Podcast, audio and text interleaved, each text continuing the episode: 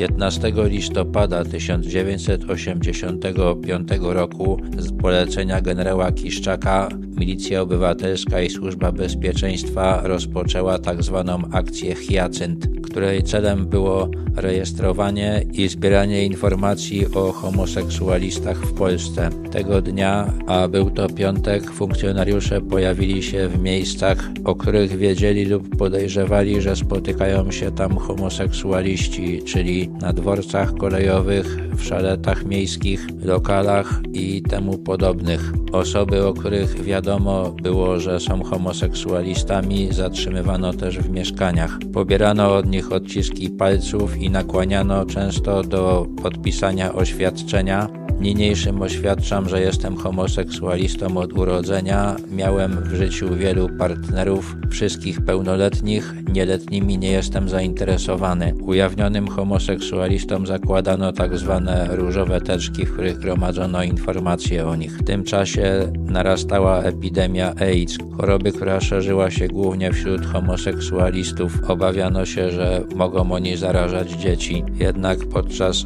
tej akcji żadnych badań lekarskich nie przeprowadzano. Homoseksualiści byli zawsze bardzo niechętni do współpracy z milicją. Unikali składania zeznań, aby nie zostać ujawnionymi. Dlatego śledztwa prowadzone w sprawie przestępstw, które się zdarzały w tym środowisku, bardzo często kończyły się niepowodzeniem. Jednak podczas akcji Hyacynt zatrzymywano także homoseksualistów, którzy w żadne przestępstwa nie byli zamieszani. Najbardziej prawdopodobne wydaje się to, że poprzez te akcje werbowano nowych tajnych współpracowników dla służby bezpieczeństwa. Akcja Hyacynt trwała do 1987 roku. Podobno w jej wyniku założono około 11 tysięcy różowych teczek.